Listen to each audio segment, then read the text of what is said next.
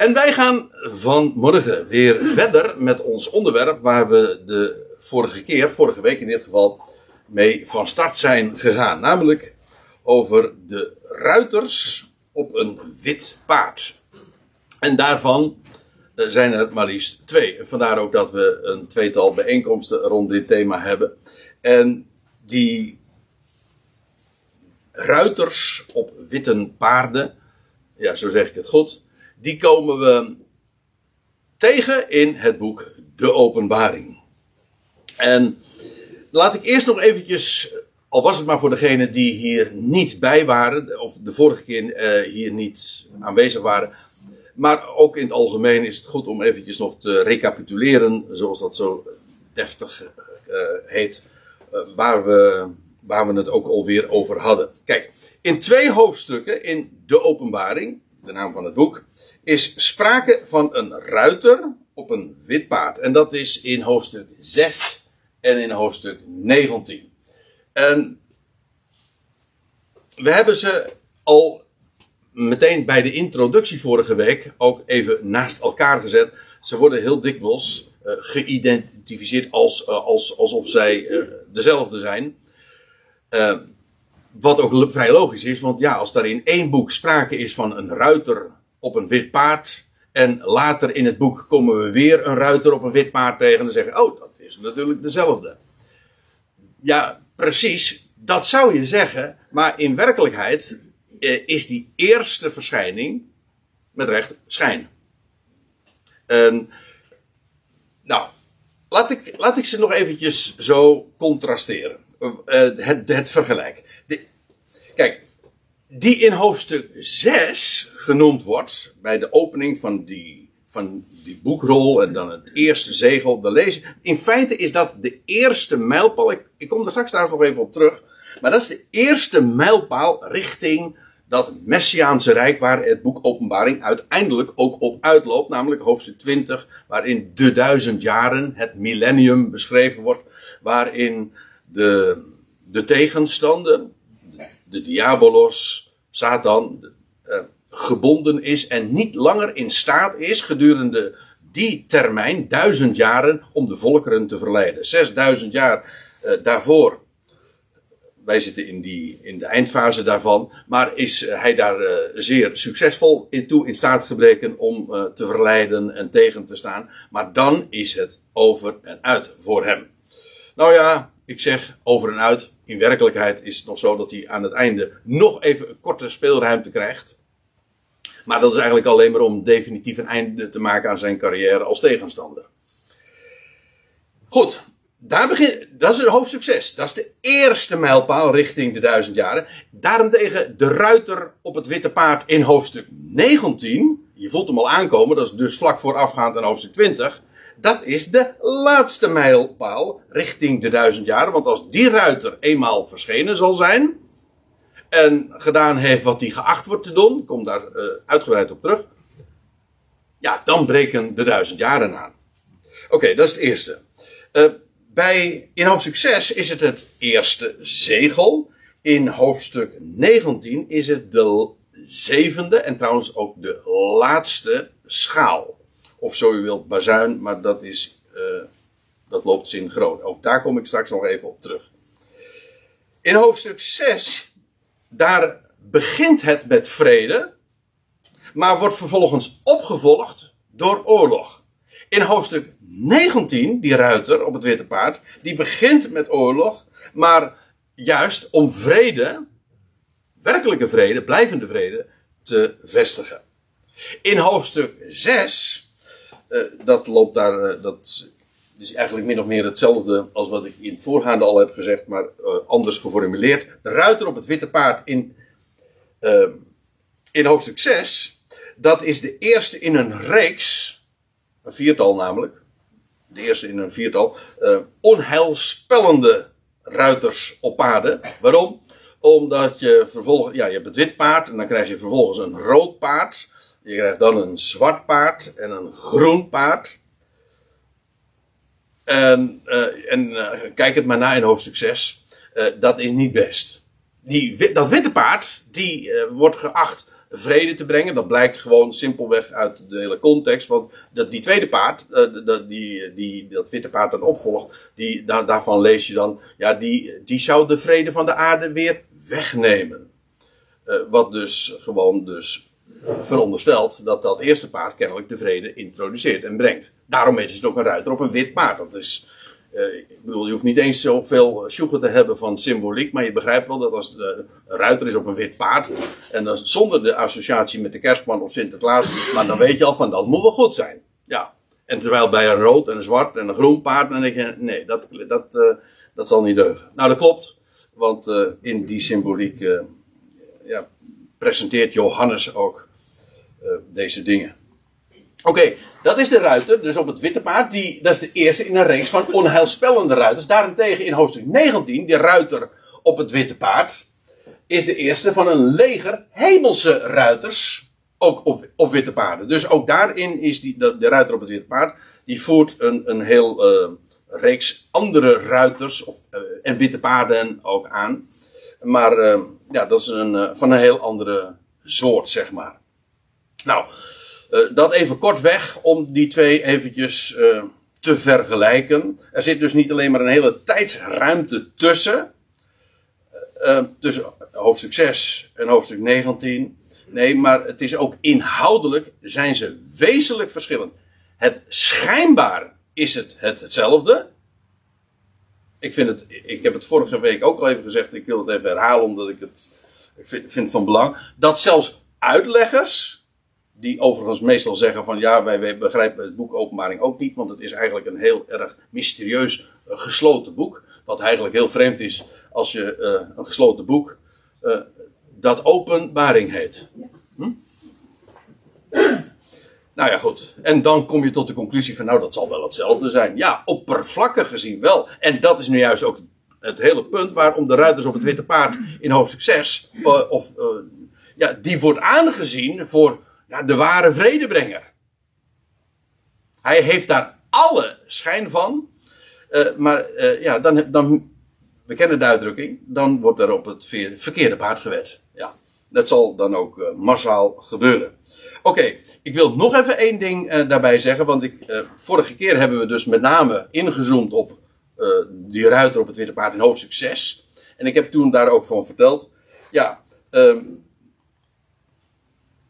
nou ja, eh, een paar dingen nog. Uh,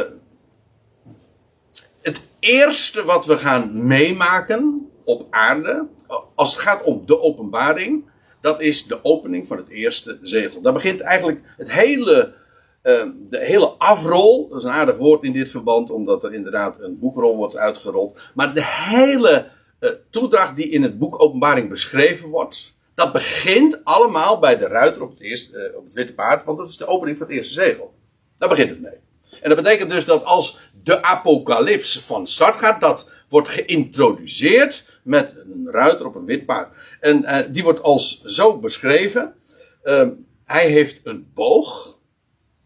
Dat heeft iets met strijd te, te maken. Maar ik werd trouwens naderhand uh, nog eventjes op iets gewezen. En dat heb ik de vorige keer niet verteld. En dat vind ik het leuk altijd als je dan uh, vervolgens. Uh, ja, dan hebben we het er met elkaar over. En dan zeg je, zou het zus of zo kunnen zijn? Zo was er iemand die naar mij toe kwam en zegt van... Heb je gezien dat het woordje voor boog in het Grieks toxon is? En daar, waar ons woordje toxisch van afgeleid is, giftig, ja, oké. Nou, die, laat, die parkeer ik nu even. Je waarom zeg je het dan? Ja, nou ja, ik, ik, vind het, ik, vind wel, ik vind mooi om zulke dingen te delen en te overwegen. Maar vooral relevant is deze. En dat is dat iemand zegt, ja, de boog staat in uh, symbool, is een embleem van overwinning. We kennen allemaal namelijk de overwinningsboog. De ereboog, inderdaad. En uh, ze zijn uh, duizenden jaren oud. trouwens, uh, ooit toen Titus, de veldheer, uh, Jeruzalem verwoestte. Die kwam die vervolgens terug in, in Rome. En, en toen is daar de, boog. je kunt hem in Rome nu nog steeds bekijken. De, de boog van Titus, weet je, die, die, dat was ook een, een over, de overwinning toen de tijd op Jeruzalem. En je kan naar, naar Parijs toe gaan. En daar vind je de ark de triomf, maar dat betekent gewoon de boog van overwinning. De boog van triomf. En eh, er zijn heel veel bogen, die met name trouwens dateren uh, vanuit de Romeinse tijd. De boog symboliseert inderdaad de overwinning. En er wordt hier in de, er is geen sprake van pijlen, er is geen sprake van oorlog, maar hij heeft een boog. En hij krijgt, uh, hem wordt een lauwerkrans, Stefanos, gegeven. En dat dat in het Latijn corona is. Nou, daar heb ik ook op gewezen. Maar nu even, hij, hem wordt een lauwerkrans gegeven. Hij ging vervolgens overwinnend uit. En waar, hij ging overwinnend uit. Waarom? Om te overwinnen. Nou, wat is het sleutelwoord dan? Ja, triomf. Overwinning. Die ruiter op het witte paard, die symboliseert inderdaad iets. Hij, hij draaft op. Ja, als eerste. En wat symboliseert, waar is hij een embleem van? En ik heb uh, de vorige keer al op gewezen. En ook in het midden gelaten. Met een lichte voorkeur voor, uh, het feit dat, voor de gedachte dat het toch een persoon is. Maar in ieder geval, of het er nou iets is, een fenomeen van vrede, dat ineens uh, overwint. En dat zich meester maakt. En dan vooral daar in het land Israël. Want daar gaat hoofdstuk 6 vooral ook over. Maar in ieder geval, dat is eigenlijk de clue van de ruiter op het witte paard. En dan nog een laatste ding uh, voor de toelichting. Die ruiter op het witte paard die staat voor de fase die voorafgaat aan de grote verdrukking. Die wordt namelijk vervolgens beschreven in de rest van hoofdstuk 6, namelijk bij de tweede, de derde, vierde, vijfde zegel. De eerste zegel gaat daaraan vooraf. En het wordt gekenmerkt door vrede en ja, ook verlichting, waar wit trouwens sowieso al een kleur van is. De kleur wit staat voor licht, zoals zwart voor duisternis staat. Dat contrast. Uh, uh, ja, verlichting, onthulling. Uh, hou hem even vast. Maar ook, daar heb ik ook op gewezen, er gaat vrede komen in het land. En in het Midden-Oosten in het algemeen. En de, waaruit blijkt dat? Nou, er komt in ieder geval, dat is heel spectaculair, er komt daar in Jeruzalem weer een Joodse tempel. En het, eigenlijk het wachten is alleen nog maar op het politieke groene licht daarvoor. Dat daar inderdaad die tempel uh, neergezet wordt. Alles ligt al klaar. Alles, alle attributen, alles wat daarvoor nodig is. En die tempel moet dan gaan. Eh, de Joden die staan te trappelen, eh, ook te trappelen. Niet alleen paarden, maar eh, ook zij staan te trappelen. Om dat te realiseren. En er komt dus een tempeldienst in Jeruzalem. En dat niet alleen, want ik zei al, het is in het hele Midden-Oosten. Want er ontstaat een federatie. Een, een, een bondgenootschap van tien koningen. Dat is ook dat laatste rijk. Nou, dat is waar die ruiter op het witte paard voor staat. Het eerste wat we mogen verwachten in verband met de, de apocalyps en de dingen die er op aarde gaan gebeuren, dat is vrede. Er komt, dat wil zeggen, schijn, want het wordt namelijk, het moet na die fase, uh, wordt het ineens abrupt. Als iedereen zal zeggen vrede, zekerheid, geen gevaar. Ja, dan ineens komt er een plotseling verderf. En dan, uh, dan draait het hele uh, rad van fortuin, zeg maar. Om even in de loterijsferen te blijven. Ja. En, maar het begint met vrede. Schijn, vrede.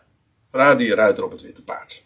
Nou, nou wil ik uh, die ook nog even, dat is nodig, die beide ruiters op het witte paard in, ook eventjes neerzetten in de chronologie van het boek Openbaring. Om een enigszins een zicht te hebben op, uh, ja, wat gaat er nou gebeuren. Nou, laten we het eens eventjes kort op een rijtje zetten.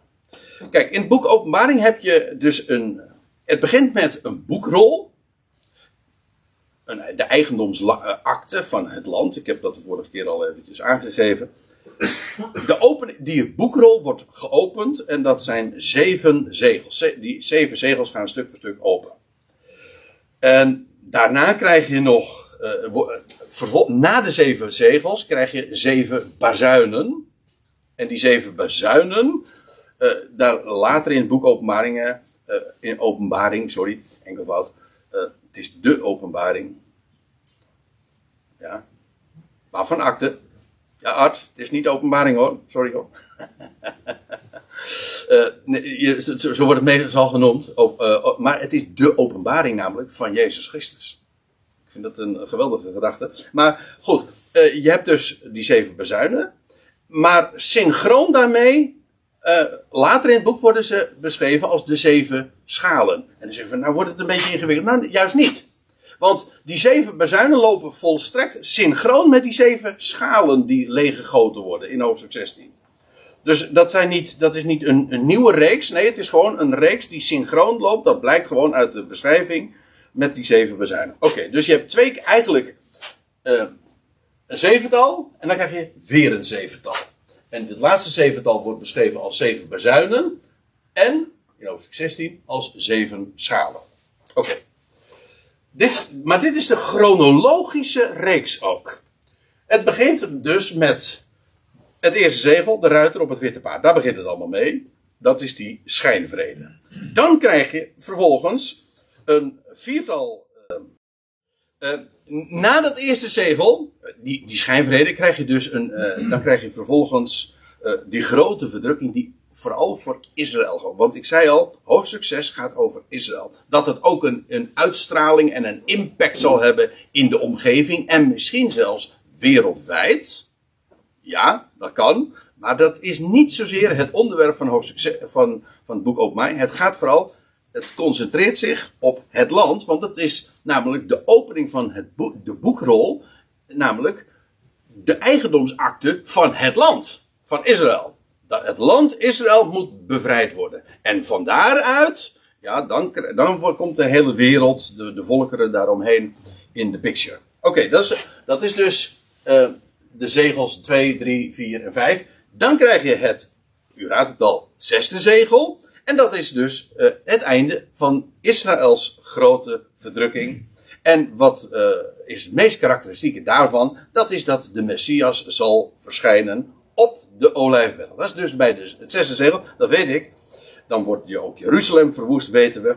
En uh, bij die gelegenheid zal ook een, een, een, een overblijfsel vluchten naar de woestijn, wat nog daar overgebleven is.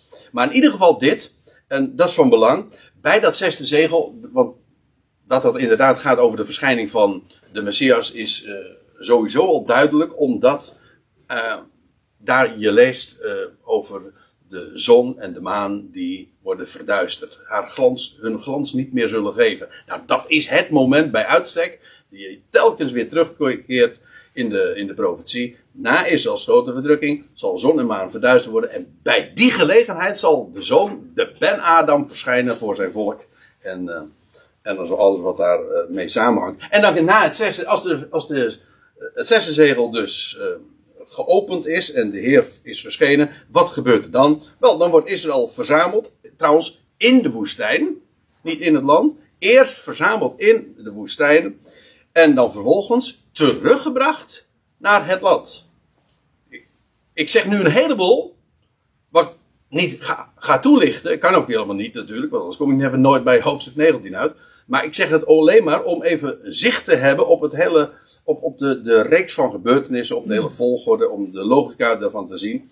Israël wordt verzameld en via de woestijn teruggebracht in het land. En dan worden er. Dat is, dat is trouwens hoofdstuk 7. Het zevende zegel is hoofdstuk 7. En ja, dan vindt dus een, grote schare die niemand tellen kan, die uit, uit alle volkeren wordt verzameld en komt in, uiteindelijk in het land terecht. En uit die twaalf stammen worden dan weer, uh, uit elke stam 12.000 jonge mannen uh, geselecteerd. En die moeten het evangelie van het koninkrijk wereldwijd gaan brengen. Dat zijn die beroemde, uh, of zo u wilt, 144.000. Dat is het zevende zegel. Uh, is daarmee dan, de, breken daar de duizend jaren mee aan? Nee, nee, nee, nee, zeker niet. Dan begint het eigenlijk pas. Want nu, op, bij het zevende zegel, is, is Israël verzameld. De Heer is teruggekeerd. Hij heeft zijn koningschap gevestigd in Jeruzalem. Maar nu gaan vervolgens alle volkeren onderworpen worden. En dat zijn de zeven bazuinen. Nou, in uh, de eerste tot en met de vijfde bazuin. Dat zijn allemaal gerichten en oordelen over de volkerenwereld. Dat is niet mis. Kijk het maar eens na in hoofdstuk 8, 9 en 10. Zeg ik het goed? Ja. 8, nee, hoofdstuk 8 en 9, die, de, de, de bezuinen die dan gaan, uh, die dan zullen klinken. Eigenlijk, het zijn aankondigingen van het koninkrijk dat gaat komen, maar eerst moet de, volkeren, de voor, volkerenwereld wordt uh, ja, gecorrigeerd. En alles gericht. Gericht betekent niks anders dan dat het recht gezet wordt en ook weer terechtgebracht wordt. Met harde hand overigens. En die boodschap gedurende die tijd van de 144.000 zal klinken in de hele wereld. Nou, dan krijg je de zesde bazuin. U ziet het, dit is heel chronologisch allemaal. Hè? Dat is, dit is niet moeilijk. Oké, je, moet het even weten, maar uh, je krijgt de zegels, dan krijg je die bazuinen. En bij de zesde bazuin, of zesde schaal, want dat is, ik zei al, dat loopt synchroon. Uh, dan krijg je dat de volkerenwereld eigenlijk als een soort wraakneming, die gaat zich verzamelen in het noorden van Israël, die vlakte van Megiddo, Harmageddon. Daar worden de volkeren verzameld. Zij trekken op ten, let op, zij trekken op ten strijde tegen de Messias die daar inmiddels koning is in Jeruzalem. En zij gaan een eind, definitief einde maken, dat is een oogmerk, om, de, om Jahweh's gezalfde, zijn Messias, en de heerschappij die daar gevestigd is, om daar een einde aan te maken. Zij trekken dus op de United, nothing wou ik zeggen, Nations. Uh, wat een verspreking. Uh, de, de Verenigde Naties, ja, zo alle, alle volkeren tezamen, die trekken op naar Jeruzalem om de, die koning uh, daar af te zetten. Nou, dat is dus, de, dat, dat lees je allemaal bij, de, bij die zesde schaal een verzameling van oorlog. En dan krijg je, u raadt het al, de zevende bazuin. En ook zijn we waar we wezen moeten, want bij de zevende bazuin wordt de hoofdstad van het Midden-Oosten, of wat zeg ik eigenlijk, de hoofdstad van de wereld, Babylon. Ja, dat moet allemaal nog gaan gebeuren. Hè? Nou ja, die, er is daar wel een stad, maar nog niet die functie natuurlijk, bij lange na niet. Maar dan gaat de hoofdstad worden, financieel-economisch centrum. Babylon zal verwoest worden. Dat is uh, openbaring 18 trouwens. Uh, en ook uh, de definitieve oorlog nabij uh, Armageddon. Ik zeg nabij Armageddon, wat dat betekent namelijk. die volkeren die verzamelen zich daar in die vlakte van Megiddo. Maar uiteindelijk zal de eindstrijd daar in het zuiden van Israël plaatsvinden. En alle tegenstand op aarde is beëindigd. En u ziet het. Dat is bij de zevende bazuin. En dat is precies dit moment. Dat de ruiter op het witte paard komt de ruiter op het witte paard. De echte, de definitieve, de tweede. En daarmee ook de laatste.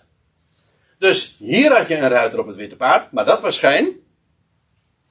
Vrede. En met de laatste weer een ruiter op het witte paard. Maar u ziet, daar zit een hele tijd tussen. Nou, sowieso, nou, deze periode van de tweede, dit is, daarvan weet ik al dat het tweede tot en met de zesde zegel, dat is 42 maanden.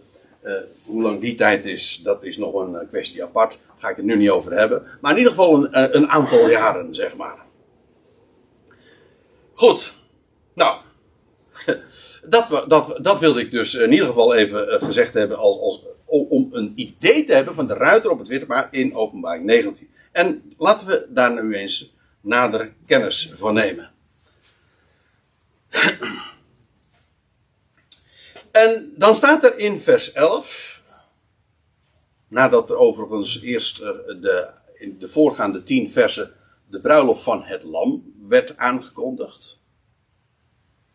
Uh, het lam, dat we zeggen de Messias, die zou, uh, de, de bruid, uh, die had zich gereed gemaakt.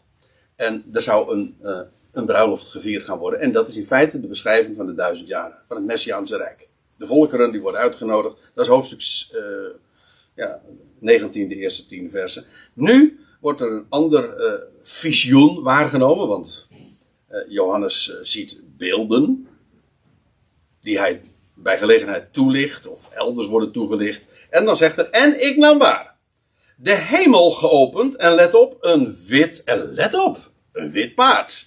Maar de hemel geopend, dit, ik, ik wees er al eventjes op, dit, deze ruiter heeft een hemelse oorsprong. Is van hemelse origine. dat is niet wat we vermeld vonden van de ruiter op het witte paard in hoofdstuk 6. Nee, het wordt niet alleen maar niet vermeld, het is juist ook precies het omgekeerde. Het, het, het, het, niet vermelden is veelzeggend. Zwijgen kan veelzeggend zijn. Ja. En nou, dat is een, groot contrast. Hier wordt de hemel geopend. En let op, een wit Wit is trouwens een kleur. Voor de kleurspecialisten zeggen dat klopt niet wat jij nu zegt, want wit is geen kleur, want het is een samengestelde kleur. Oké, voor het gemak, wit is een kleur. Uh, dat uh, in, in, het boek Openbaring een hele grote rol speelt. Want het wordt maar liefst 17 keer genoemd in dit boek. 17 keer dat woord luikos. Wat wij trouwens ook kennen. Want als het woordje uh, leukemie dat is de, witte bloedziekte. En dat komt van het Griekse woord leukos. Dus dan weet u dat ook. Maar in ieder geval, dat is dat woord. En wit, ik zei al, wit heeft alles te maken met licht. En hier ook een onthulling. Natuurlijk, juist als dit geen onthulling is. Namelijk voor de volkerenwereld. Verlichting, onthulling. Overigens, dat, het is, het, ja, ik heb het al eventjes aangestipt.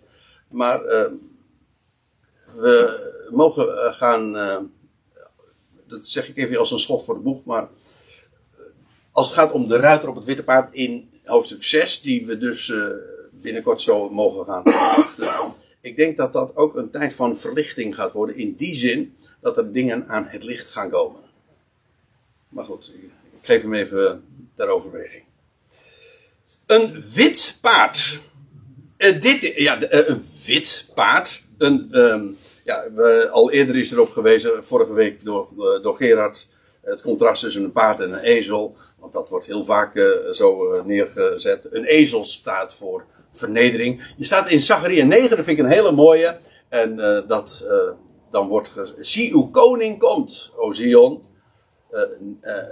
Rijdend op een ezelsveulen. Dat is trouwens ook wat vervuld is toen de Heer vanaf de Olijfberg op een ezelsveulen inderdaad tot, zijn, tot de stad kwam. Hij, hij huilde trouwens bij die gelegenheid. Hoe de hele de, de, de, massa die riep Hosanna, die hadden geen idee wat er in die week zou gaan gebeuren. En, eh, want diezelfde massa, die, of diezelfde menigte die in eerste instantie nog enthousiast was, want het koninkrijk zou openbaar worden, die werden hevig teleurgesteld en, en uh, een aantal dagen later werd er massaal geroepen: kruisig hem. Zo snel kan dat allemaal omslaan. Maar goed, hij kwam op een ezel. Ja. Uh, nederig. Een sjovele koning. Ik geloof dat het Hebreeuws. Uh, moet nog even nakijken. Maar uh, is. het, is een, komt in ieder geval uit het Jiddisch. En volgens mij betekent het ook inderdaad nederig. Een sjovele koning, dus ja. En terwijl een ezel staat voor vernedering, een paard daarentegen voor verhoging en voor strijd. Uh, want het, uh, en voor uh, triomf. Het paard wordt opgetuigd voor de overwinning en voor de strijd. Want ja, zonder strijd geen overwinning. En dat is waar dat paard voor dient. Het heeft inderdaad met, in contrast met het ezel te maken met verhoging. De komst van de Messias in vernedering wordt gesymboliseerd door een ezel. En de komst van de Messias bij de tweede gelegenheid, dat wil zeggen als hij straks zal terugkeren, komt hij niet op een ezel in vernedering, nee, dan komt hij op, in verhoging. En daar gaat hij korte met te maken. Oké, dat is een wit paard. Hier dus weer die ruiter op het witte paard, maar de echte. Dat blijkt wel, want er staat erop, en hij die daarop zat, en hier hebben we het dus in ieder geval wel over specifiek iemand. Hij die daarop zat, wordt genoemd geloofwaardig en waarachtig. En ik heb de neiging om dan dat te contrasteren met die eerste ruiter, want die was dat dus niet. Die had er wel de schijn van. Ja, maar deze die erop staat, die heet, die wordt genoemd geloofwaardig en waarachtig. Of uh, getrouw. En, uh, en waarheidsgetrouw. Hij doet de waarheid recht. En hij is betrouwbaar. Dat wat hij zegt, gaat hij doen. Dus er gaat een tot, dan echt gaat er een totaal andere wind waaien. En dan krijg je rechtvaardigheid. Een, een, een heerschappij. Daar, daar kun je zo naar uitzien. naar een heerschappij waarin recht gedaan wordt. Waar de waarheid inderdaad zal, niet alleen zal klinken, maar ook zal geschieden. En ja, men zal, men zal straks denken hè, van, oh, nu, dit is het. Nou komt die ruiter op het witte paard. Ja, maar dat is, dat is dus de, dat is te vroeg gejuicht. Maar straks als die ruiter komt, de echte, deze, hoofdstuk 19, dat is eh, hij die genoemd wordt met recht, geloofwaardig en waarachtig. En, staat er nog bij, in rechtvaardigheid oordeelt hij. En voert hij oorlog. Hier zie je, uh, hij gaat weliswaar uh, vrede brengen, maar hij voert oorlog. En hij, in rechtvaardigheid oordeelt hij. Hij oordeelt, hij richt, hij spreekt uit, hij veroordeelt ook, maar dat doet hij rechtvaardig. Naar het recht. Waar dus niemand ook maar iets, uh, uh, waar niemand bezwaar tegen kan maken, want het is gewoon recht. En zo zal hij uh, optreden. In rechtvaardigheid oordeelt hij en voert hij ook oorlog. Want er zijn al zoveel oorlogen gevoerd. Maar die zijn, uh, dat waren geen rechtvaardige oordelen dat, uh, of oorlogen. Dat is meestal, spelen hele andere belangen. Hè? in, in het voeren van oorlog. Dat is niet rechtvaardigheid. Ja, zo wordt het vaak wel verkocht. Maar dan echt een, een, een oorlog voert hij in rechtvaardigheid. U moet zich realiseren. We hebben het hier dus over uh, die zevende schaal, die zevende bezuin. De, een hele concrete situatie. Een oorlogssituatie ook. Want de volkeren, die zijn namelijk opgetrokken en hebben zich verzameld in die enorme vlakte daar in, uh, in Noord-Israël, van Megiddo. En die gaan korter mee te maken met dat koninkrijk daar in het Midden-Oosten. Namelijk van, met die Davidische zoon, dus nou, de Ben David het is een strijd tegen dat kleine koninkrijkje. Want dat is in feite nog aan de, de, de situatie. En hij die daar de heerschappij op zich genomen heeft in Jeruzalem. Hem willen ze van de troon hebben. Dus zij komen daar om oorlog te voeren. En nou gaat hij daarover oordelen. Zijn oordeel over uitspreken. En hij voert oorlog. En de aardigheid is trouwens dat als je nou het hele vervolg leest, wat we niet gaan doen, maar uh, er vindt uh, helemaal geen wapengekletter plaats. Nee, kijk ernaar, er vindt helemaal Ja, nou, we moeten eens opletten. De ogen nu van hem waren als een vuurvlam. Ja, dat is dus een vergelijking, een metafoor. Dat hadden we al eerder trouwens gelezen van deze, van deze persoon. We hebben het over de Heer Jezus Christus uiteraard. Want hoofdstuk 1, hoofdstuk 2 wordt het al genoemd. En een vuurvlam, dat wil zeggen, het dringt door als vuur. Het, het verspreidt zich. En, maar bovendien ook niets ontziet. Zijn ogen zijn als een vuurvlam, vurig. Hij ziet in de, hij, en doorziet ook dat alles. En, maar het is ook vernietigend. Dus uh, het is uh, via welke route je het ook maar bespreekt. Zijn ogen waren als een vuurvlam. En op zijn hoofd waren vele diademen. Of uh, kronen, maar eigenlijk ja, diademen. Dat is wat anders. Het is een koninklijke hoofdversiering. Die die, wordt gebonden op het hoofd. Dat is eigenlijk ook wat diadeem betekent. Dat betekent letterlijk doorbinden. En het wordt gewoon uh, gebonden in het uh, haar. Maar in ieder geval, het is koninklijk. Vandaar het idee van de vertaling van kronen, zoals de MBG en de Statenvertaling dat ook, geloof ik, heeft. Um, klopt. Dat is de gedachte. Het is inderdaad koninklijk. Op zijn hoofd waren vele diademen. En hij had. Dit is wel een beetje mysterieus. Ja, met recht. Hij had een naam geschreven die niemand weet dan hijzelf. Later, in eh, dit, dezezelfde passage, komen we die, eh, dat weer tegen, dat eh, een naam eh, geschreven is. En als u mij vraagt, is dit de, uh, hij had een naam geschreven, waarbij het trouwens uh, een beetje in het midden wordt gelaten. Uh, heeft hij zelf die naam geschreven? Mogelijk. Maar hij dat zou wel verklaren waarom niemand anders die naam verder weet. Want hij had die naam en hij heeft die naam geschreven. En ik, ik ga u, ja, ik suggereer het hier. Ik kan niet direct bewijzen. Misschien krijg ik straks naderhand weer mensen naar me. Ik kan het wel bewijzen. Of juist niet. Dat, dat, uh, ik hou me aanbevolen. maar in ieder geval, ik denk dat het inderdaad die naam is geschreven op zijn dij. Kom je daar nou weer bij? op zijn dij. nou, wacht maar even. We komen daar in vers 16 nog over te spreken. Hij had in ieder geval een naam geschreven die niemand weet dan hij zelf. Dus hij is zich, heel, hij is zich bewust van zijn identiteit. Trouwens, dat is waar een naam ook voor staat. Een naam is een uitbeelding van wie je bent. Je identiteit. Ja, bij ons niet. Wij, geven, wij vinden het een beestje moet een naampje hebben, weet je wel. Nee, in de Bijbel heeft een naam een betekenis. En drukt uit wie je bent. Hij had een naam geschreven die niemand weet dan hij zelf. En hij was omhuld met een kleed.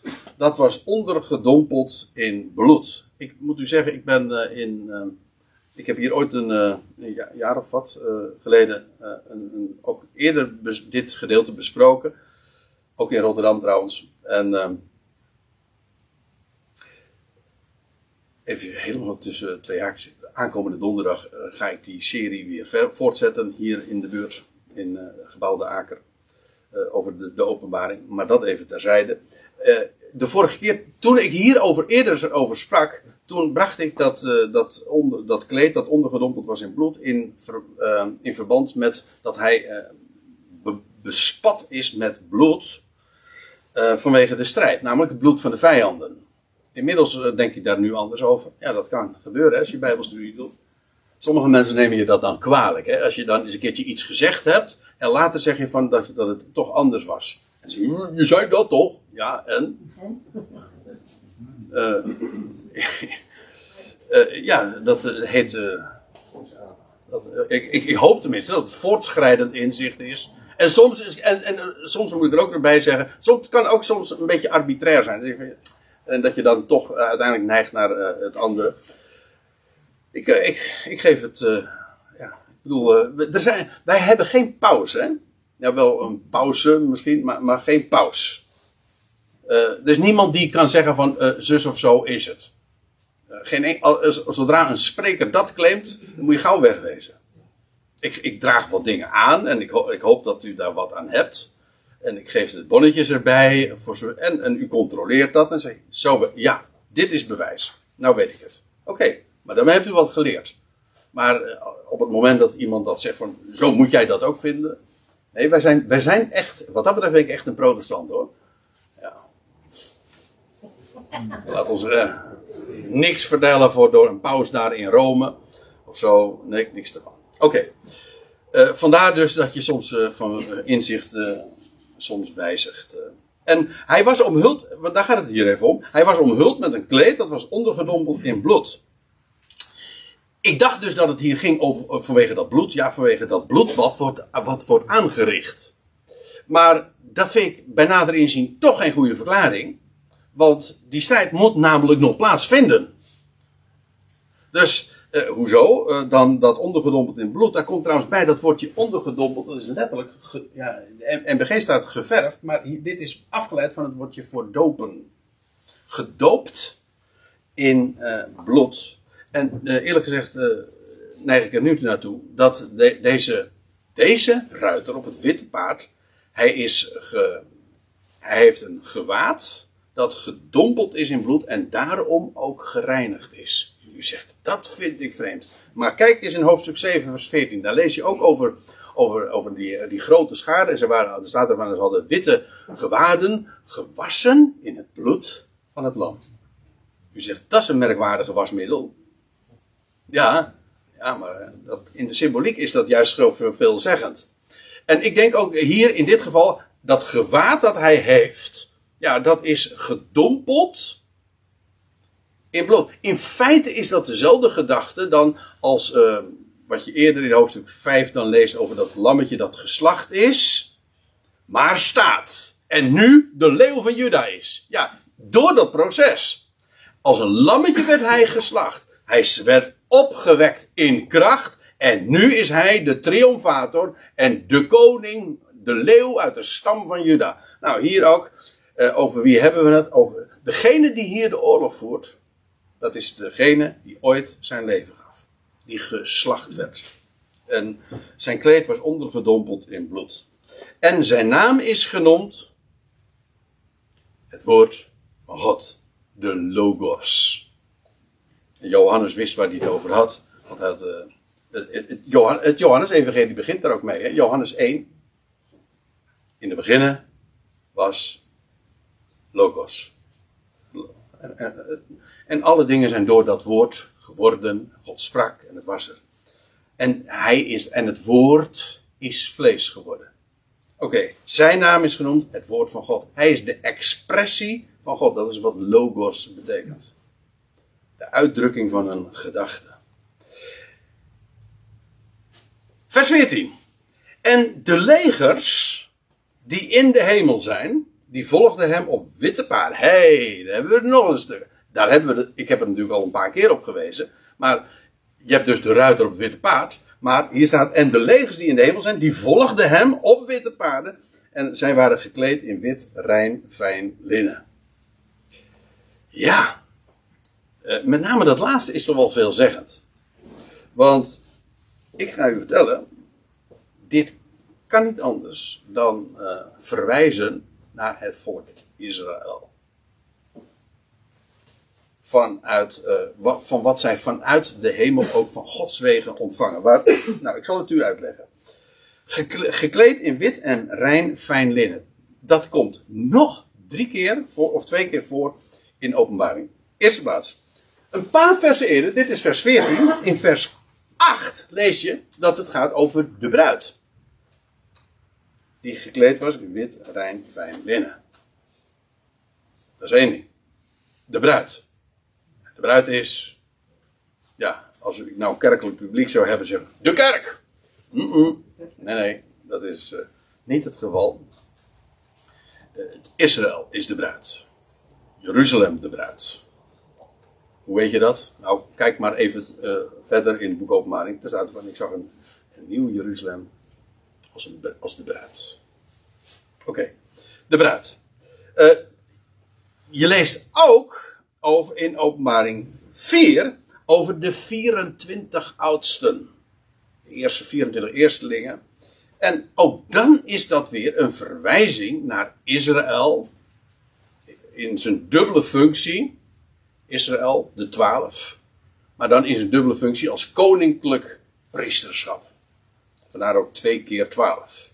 Er is heel veel over te vertellen, dat doe ik nu niet. Ik ga het er me nu om. De 24 oudsten zijn ook een uitbeelding van Israël. En dan heb ik ook nog, eh, waar ik al eerder naar verwees, naar die schare die uit alle volkeren verzameld wordt en in het land terechtkomt. Ook zij, van hen lees je, ze waren gekleed in wit, rein, fijn linnen of woorden van gelijke strekking. Maar ook dan gaat het over Israël. Zodat ik inderdaad denk, die legers die hier genoemd worden, ja, dat is gewoon Israël. Met hemelse, eh, met hemelse kracht ook, zeg maar, bekrachtigd. Eh, die volkeren, ik zei al, die eh, verzamelen zich daar in Harmageddon. Er wordt een oorlog georganiseerd. En wat zien we dan als reactie daarop? Wel, hij die komt. De ruiter op het witte paard die de volkeren gaat oordelen en oor- oorlog tegen hen gaat voeren. En wie heeft hij met zich mee? Nou, dat koninkrijk wat hij om zich heen heeft. Wat, wat er daar gevestigd is. Zodat dat leger hier, de legers, eh, als u mij vraagt, gewoon uitbeelding zijn van Israël. En dat eh, ja, wordt ook duidelijk bevestigd in, in het fenomeen van eh, hun, hun expressie. Dat wil zeggen hoe ze gekleed zijn. Dat zegt dus iets over wie zij zijn. En nou vers 15. En uit zijn mond, de, de ruiter op het witte paard, en uit zijn mond komt een scherp zwaard om de natieën te slaan. Ja. Hij draagt dus geen zwaard. Nee, uit zijn mond komt een scherp zwaard. En wat komt er uit zijn mond? Ja, woord natuurlijk. Dat is wat de mond produceert. Oké, de mond kan consumeren, dat is eten. Als het iets produceert, ja, dan kan dat spraakwater. je kan met consumptie spreken, dat is, maar dat is ook water, dat is trouwens ook een beeld van het woord. Dus, dus uh, als, het als er uit de mond iets komt, dan is dat woord. En het, en, maar dan het woord Gods. Goddelijk woord, trouwens, ja, ik vertel toch niks nieuws als ik zeg van het woord van God, dat is een rots, het is sneeuw, het, is God, het heeft heel veel, het is als goud en honing, ja, maar het is ook een tweesnijdend scherp zwaard. En uit zijn mond uh, komt een scherp zwaard. En ik zal u dit vertellen, en dat is wat ik zojuist ook bedoelde. Geen wapengeletter. Dat, die legers, die ruiten op het witte paard. De, uh, maar ook de legers, uh, wat hebben ze? Niks? Ja, één ding. Ja, een zwaard. Nou ja, de ruiten en zijn woord. Maar dat is wat hoor. Dat is zo. Hoe is hij bewapend? Met zijn met een zwaard.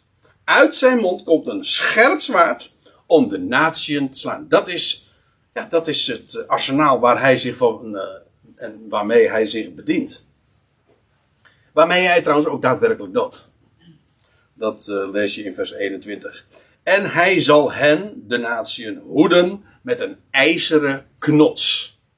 Dus vergis je niet, wat hij uh, niet gaat doen, Misschien is dat voor sommige mensen wat teleurstellend. Hij gaat niet wereldwijd een uh, democratie vestigen.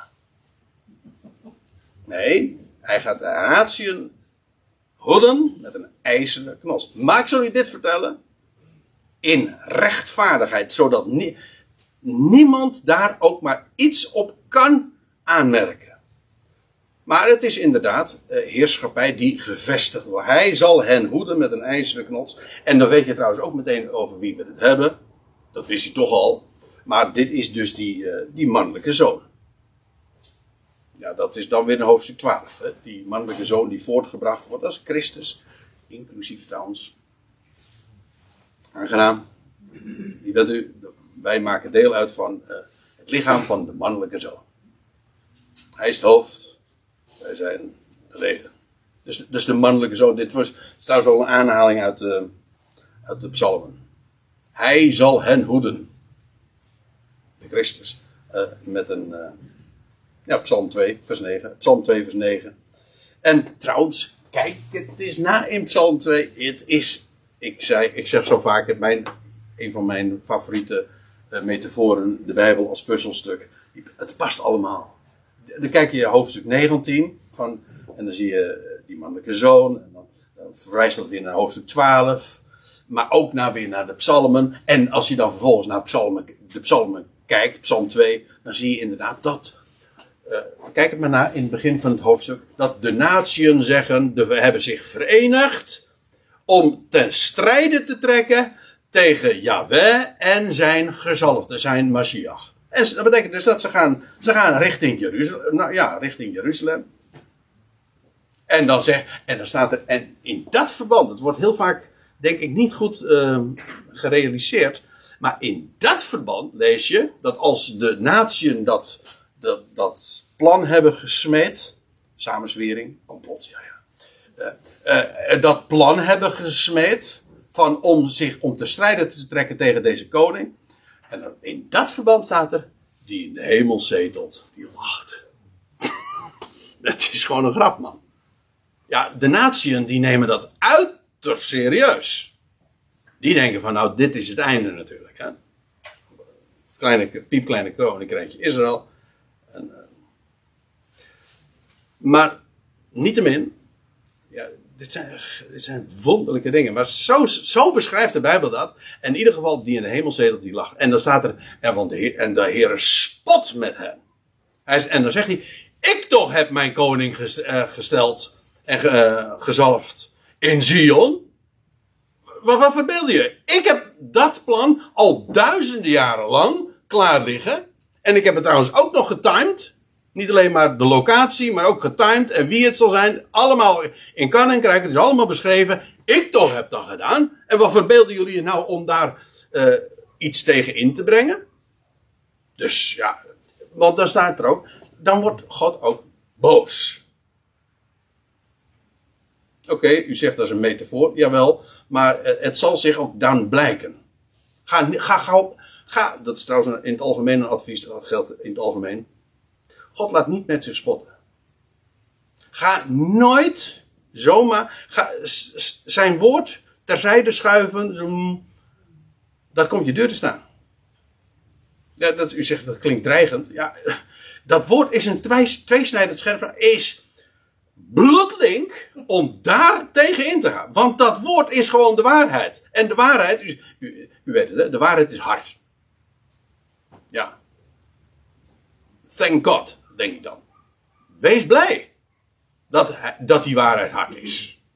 Maar daarom is het ook recht en daarom kun je erop staan en kun je erop bouwen.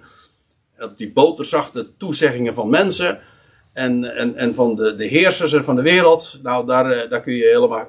Nou, geen chocola van maken, dat is weer een ander beeld, spraak. Maar u begrijpt wat ik bedoel. Nee, dat woord. Hij zal hen hoeden met een ijzeren knots. Eh, en, en hij treedt de perskuip van de wijn, van de woede, van de boosheid van God. Dat is hier wat, hè? De Almachtige. De Pantocrator. De Almachtige. Dat wat hij voor zich voorneemt, dat gebeurt. En er is niets en niemand die hem daarin kan weerhouden. Wie dan? Hij is almachtig. Hij kan niet alles. Hij kan niet liegen, bijvoorbeeld. Maar wat hij wil, dat gebeurt. Hij is de Almachtige. En dan staat er, hij treedt de perskuip. Dat, dat is een uitdrukking die we al uh, ja, heel wat keren trouwens in de Bijbel vinden, in het, in het eindgericht. Dat wordt vergeleken met een perskuip. U weet hoe dat gaat in de zevende maand. Leuk. In de zevende maand, uh, dan wordt, de, dan wordt de, dat zeggen op de Israëlische kalender, worden de druiven geoogst. De oogstmaand bij uitstek. En de druiven worden geoogst en die komen dan allemaal in een perskuip terecht. En die wordt dan getreden. Dit is gewoon van oudsher de methodiek dat er tegenwoordig allerlei moderne technieken voor zijn, dat doet niet de zaken. Van ouds werd dan de perskuip getreden. En degene die dat deed, ja, die, uh, ja, die werd inderdaad bespat en zo. Maar zo lees je ook uh, dat als de volkeren verzameld zijn. Zij hebben zich verzameld, maar in werkelijkheid ze zijn verzameld. God zelf heeft ze daar gebracht. Waarom? Om de perskuip te treden. Hij, hij, hij vertreedt natieën in, in zijn toorn. Hè? Zo staat dit de perskuip van de wijn, van de woede, van de boosheid. Nou, dat is duidelijk toch, hè, nu. Zo van, hier, is een, hier treedt een God op die niet met zich laat spotten. En als de Almachtige zal hij optreden. En hier, die ruiter op het witte paard, hij treedt de perskuip. Ja, dan moet ik er nog even dit bij zeggen. Want die verzamelde volkeren daar in Armageddon, die daar optrekken dus tegen de Messias, die zullen worden vertreden in Edom. Dat is helemaal in het zuiden trouwens van Israël. Daar bij Bosra. Een. Ja, ik, ik ga er nu niet naartoe. Maar kijk het maar eens na in Jezaja 63. Dan wordt het echt beschreven. En dan staat het, wie is het die daar van Bosra komt? Van Edom. Edom betekent trouwens rood. Adom. En wie is het die daar van Edom komt? Met bloed bespatte klederen, staat er dan. Uh, die de perskuip van de toorn van God getreden. Eh, ja, ik, ik kan het niet zo uh, woordelijk zo aanhalen. Maar kijk het maar eens naar die eerste versen van Jezaja 63. Zo in, ja, in triomf. Daar treedt iemand op. Ik geloof dus, dus dat die verzameling van de volkeren in, in Armageddon plaatsvindt in het noorden. En de strijd die vindt helemaal daar in het zuiden plaats. En dat is opmerkelijk, want kijk maar eens na in hoofdstuk 14, vers. Wat is het? Uh, vers 20. Daar lees je ook over die perskuip. En dat daar zelfs een heel bloedspoor uh, getrokken wordt. Dan staat erbij van 1600 stadien. En weet u wat 1600 stadien zijn? Ja, dat heb ik erbij vermeld. Dat is 300 kilometer. Een stadion, dus waar ons woord stadion vanaf komt, dat is 180 meter als ik me niet vergis. Maar 40 eh, kwadraat, 1600. In ieder geval. Maar weet je wat uh, bijzonder is van die lengte? Het is de afstand van noord naar zuid Israël. Dat is 300 kilometer, 1600 stadion. Ze verzamelen zich daar in, in, in, in, in het noorden. En dan wordt de strijd geleverd 300 kilometer lager. Maar daar wordt een heel bloedspoor. Ik me moet voorstellen, weet ik niet. Maar in ieder geval, zo wordt er gezegd. eh 1600 staden. Dus ja, het wordt niet. Dat is natuurlijk eh, niet zomaar dat dat een perskuip genoemd wordt. Daar, dit is echt, wij spreken dan over een bloedbad. En, eh, en ik kan me voorstellen dat u zegt van, goh, heb je nou niks aardigers, en vrolijkers om te vertellen? Ja, eh, nou ja, eh, ik vertel graag gewoon de waarheid. En we hebben een geweldig goed bericht, ik, ik hoop dat dat duidelijk is. Maar niettemin, dit gaat ook plaatsvinden. En trouwens, ik vind het ook een goed bericht. Dat er een einde gemaakt wordt aan al dat houtaine, die hoogmoed van de mens. En de wereld die denkt het beter te weten. Daar wordt echt compleet en definitief een einde aan gemaakt. Oh ja, er staat er nog dit bij. En hij, die ruiter op het witte paard, heeft op zijn kleed en op zijn dij een naam geschreven. Ik denk trouwens op zijn kleed, namelijk op zijn dij. En heeft vaak die betekenis van namelijk. Eh, trouwens, de dij spreekt van, ja, is de, is de bovenbeen. eh, is qua spier en bot het sterkste en zwaarste deel van de benen. Geloof dat eh, Rob het daar niet mee eens is. Maar Waar zit je Rob? Oh ja. ja. In Huizen Breuren wordt daar nu- in wat eh, anders over gedacht. Maar, maar weet het, hè? Dit is. ehm, de, eh, het, de, ja, dat is wat de, dij is. Het, het zwaarste. Maar het is daarom ook een, een, een embleem van kracht, de dijbeen. Dat lijkt me niet zo moeilijk. En dat blijkt ook wel, want er staat er, eh, dat is op zijn naam, eh, die geschreven naam, dat is koning der koningen en heren der heren. Of de. Dus van alle koningen is hij de koning. En van alle heren en heerschappijen die er mogen zijn, of lagere eh, ordes van macht en heerschap, heerschappij, is hij de Heer. Superieur dus. Hij staat boven dat alles. Koning van koningen en Heer van heren. Dat is eh, die in eh, Paulus ook noemt. En hij zegt van hem die alleen onsterfelijkheid heeft. Hij is tot dusver de enige die onsterfelijk is. Namelijk de dood achter zich gelaten heeft. Dat is de koning der koningen, de Heer. Dus over de identiteit van deze ruiter op het witte paard hoeven we totaal geen vragen te hebben. Dat is volstrekt helder. En als u zegt van ja, hoe loopt dat nou af? Ja, nou daar volgen nog een heel aantal versen en daar kom ik niet aan toe. Maar ik wil, even, ik wil, wil ze wel eventjes noemen dan nog. Ik sla even een paar versen over en dan weet je wat er dan ook gebeurt. Ik zeg al, ik, ik sla nu een paar versen over, maar dan staat er vervolgens in vers 19, hoofdstuk 19, vers 19. En ik nam het beest waar. En de koningen van de aarde en hun legers die verzameld zijn, daar in Armageddon, om oorlog te voeren tegen hem die op het paard zit. ja, ik lag mee met degene die in de hemel zetelt. Dus, hè. Eh, tegen hem die op het paard zit en tegen zijn leger. En dan staat erbij, en het beest werd gegrepen. Het beest. Uit de zee namelijk. En het beest uit de aarde, uit het land. Ze werden en de valse profeet is dat. En ze werd gegrepen en levend werd de, de twee, die beide, in het meer van het vuur eh, geworpen, dat brandt in zwavel. Dus mij vraagt dat is gewoon de Dode Zee. Dat is inderdaad in het zuiden van Israël. Waar een zee die al veel eerder trouwens heeft gebrand. Omdat dat eh, omgeven is door zwavel.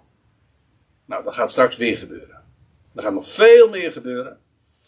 Eh, ja, maar ik zie dat ik inmiddels de, bij een uur aangekomen ben. Dus het, wordt tijd om nu te stoppen.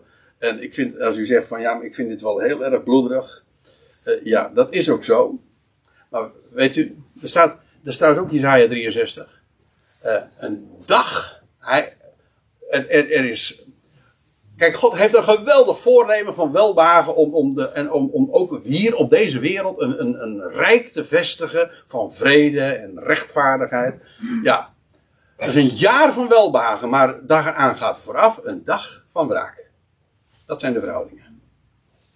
Als je wil weten hoe, het, hoe, hoe dat ligt tussen Gods wraak en Gods, eh, Gods welbehagen, Gods toorn en zijn liefde, zulke dingen worden heel vaak eh, gecontrasteerd. Hij is liefde. En hij treedt. En zijn toorn is altijd relatief kort. relatief kort. Het is daarom een dag van wraak. En weet u wat wraak betekent? Rechtzetting. Alles wordt rechtgezet en terechtgebracht. Nou, dat is wat de ruiter op het witte paard gaat doen.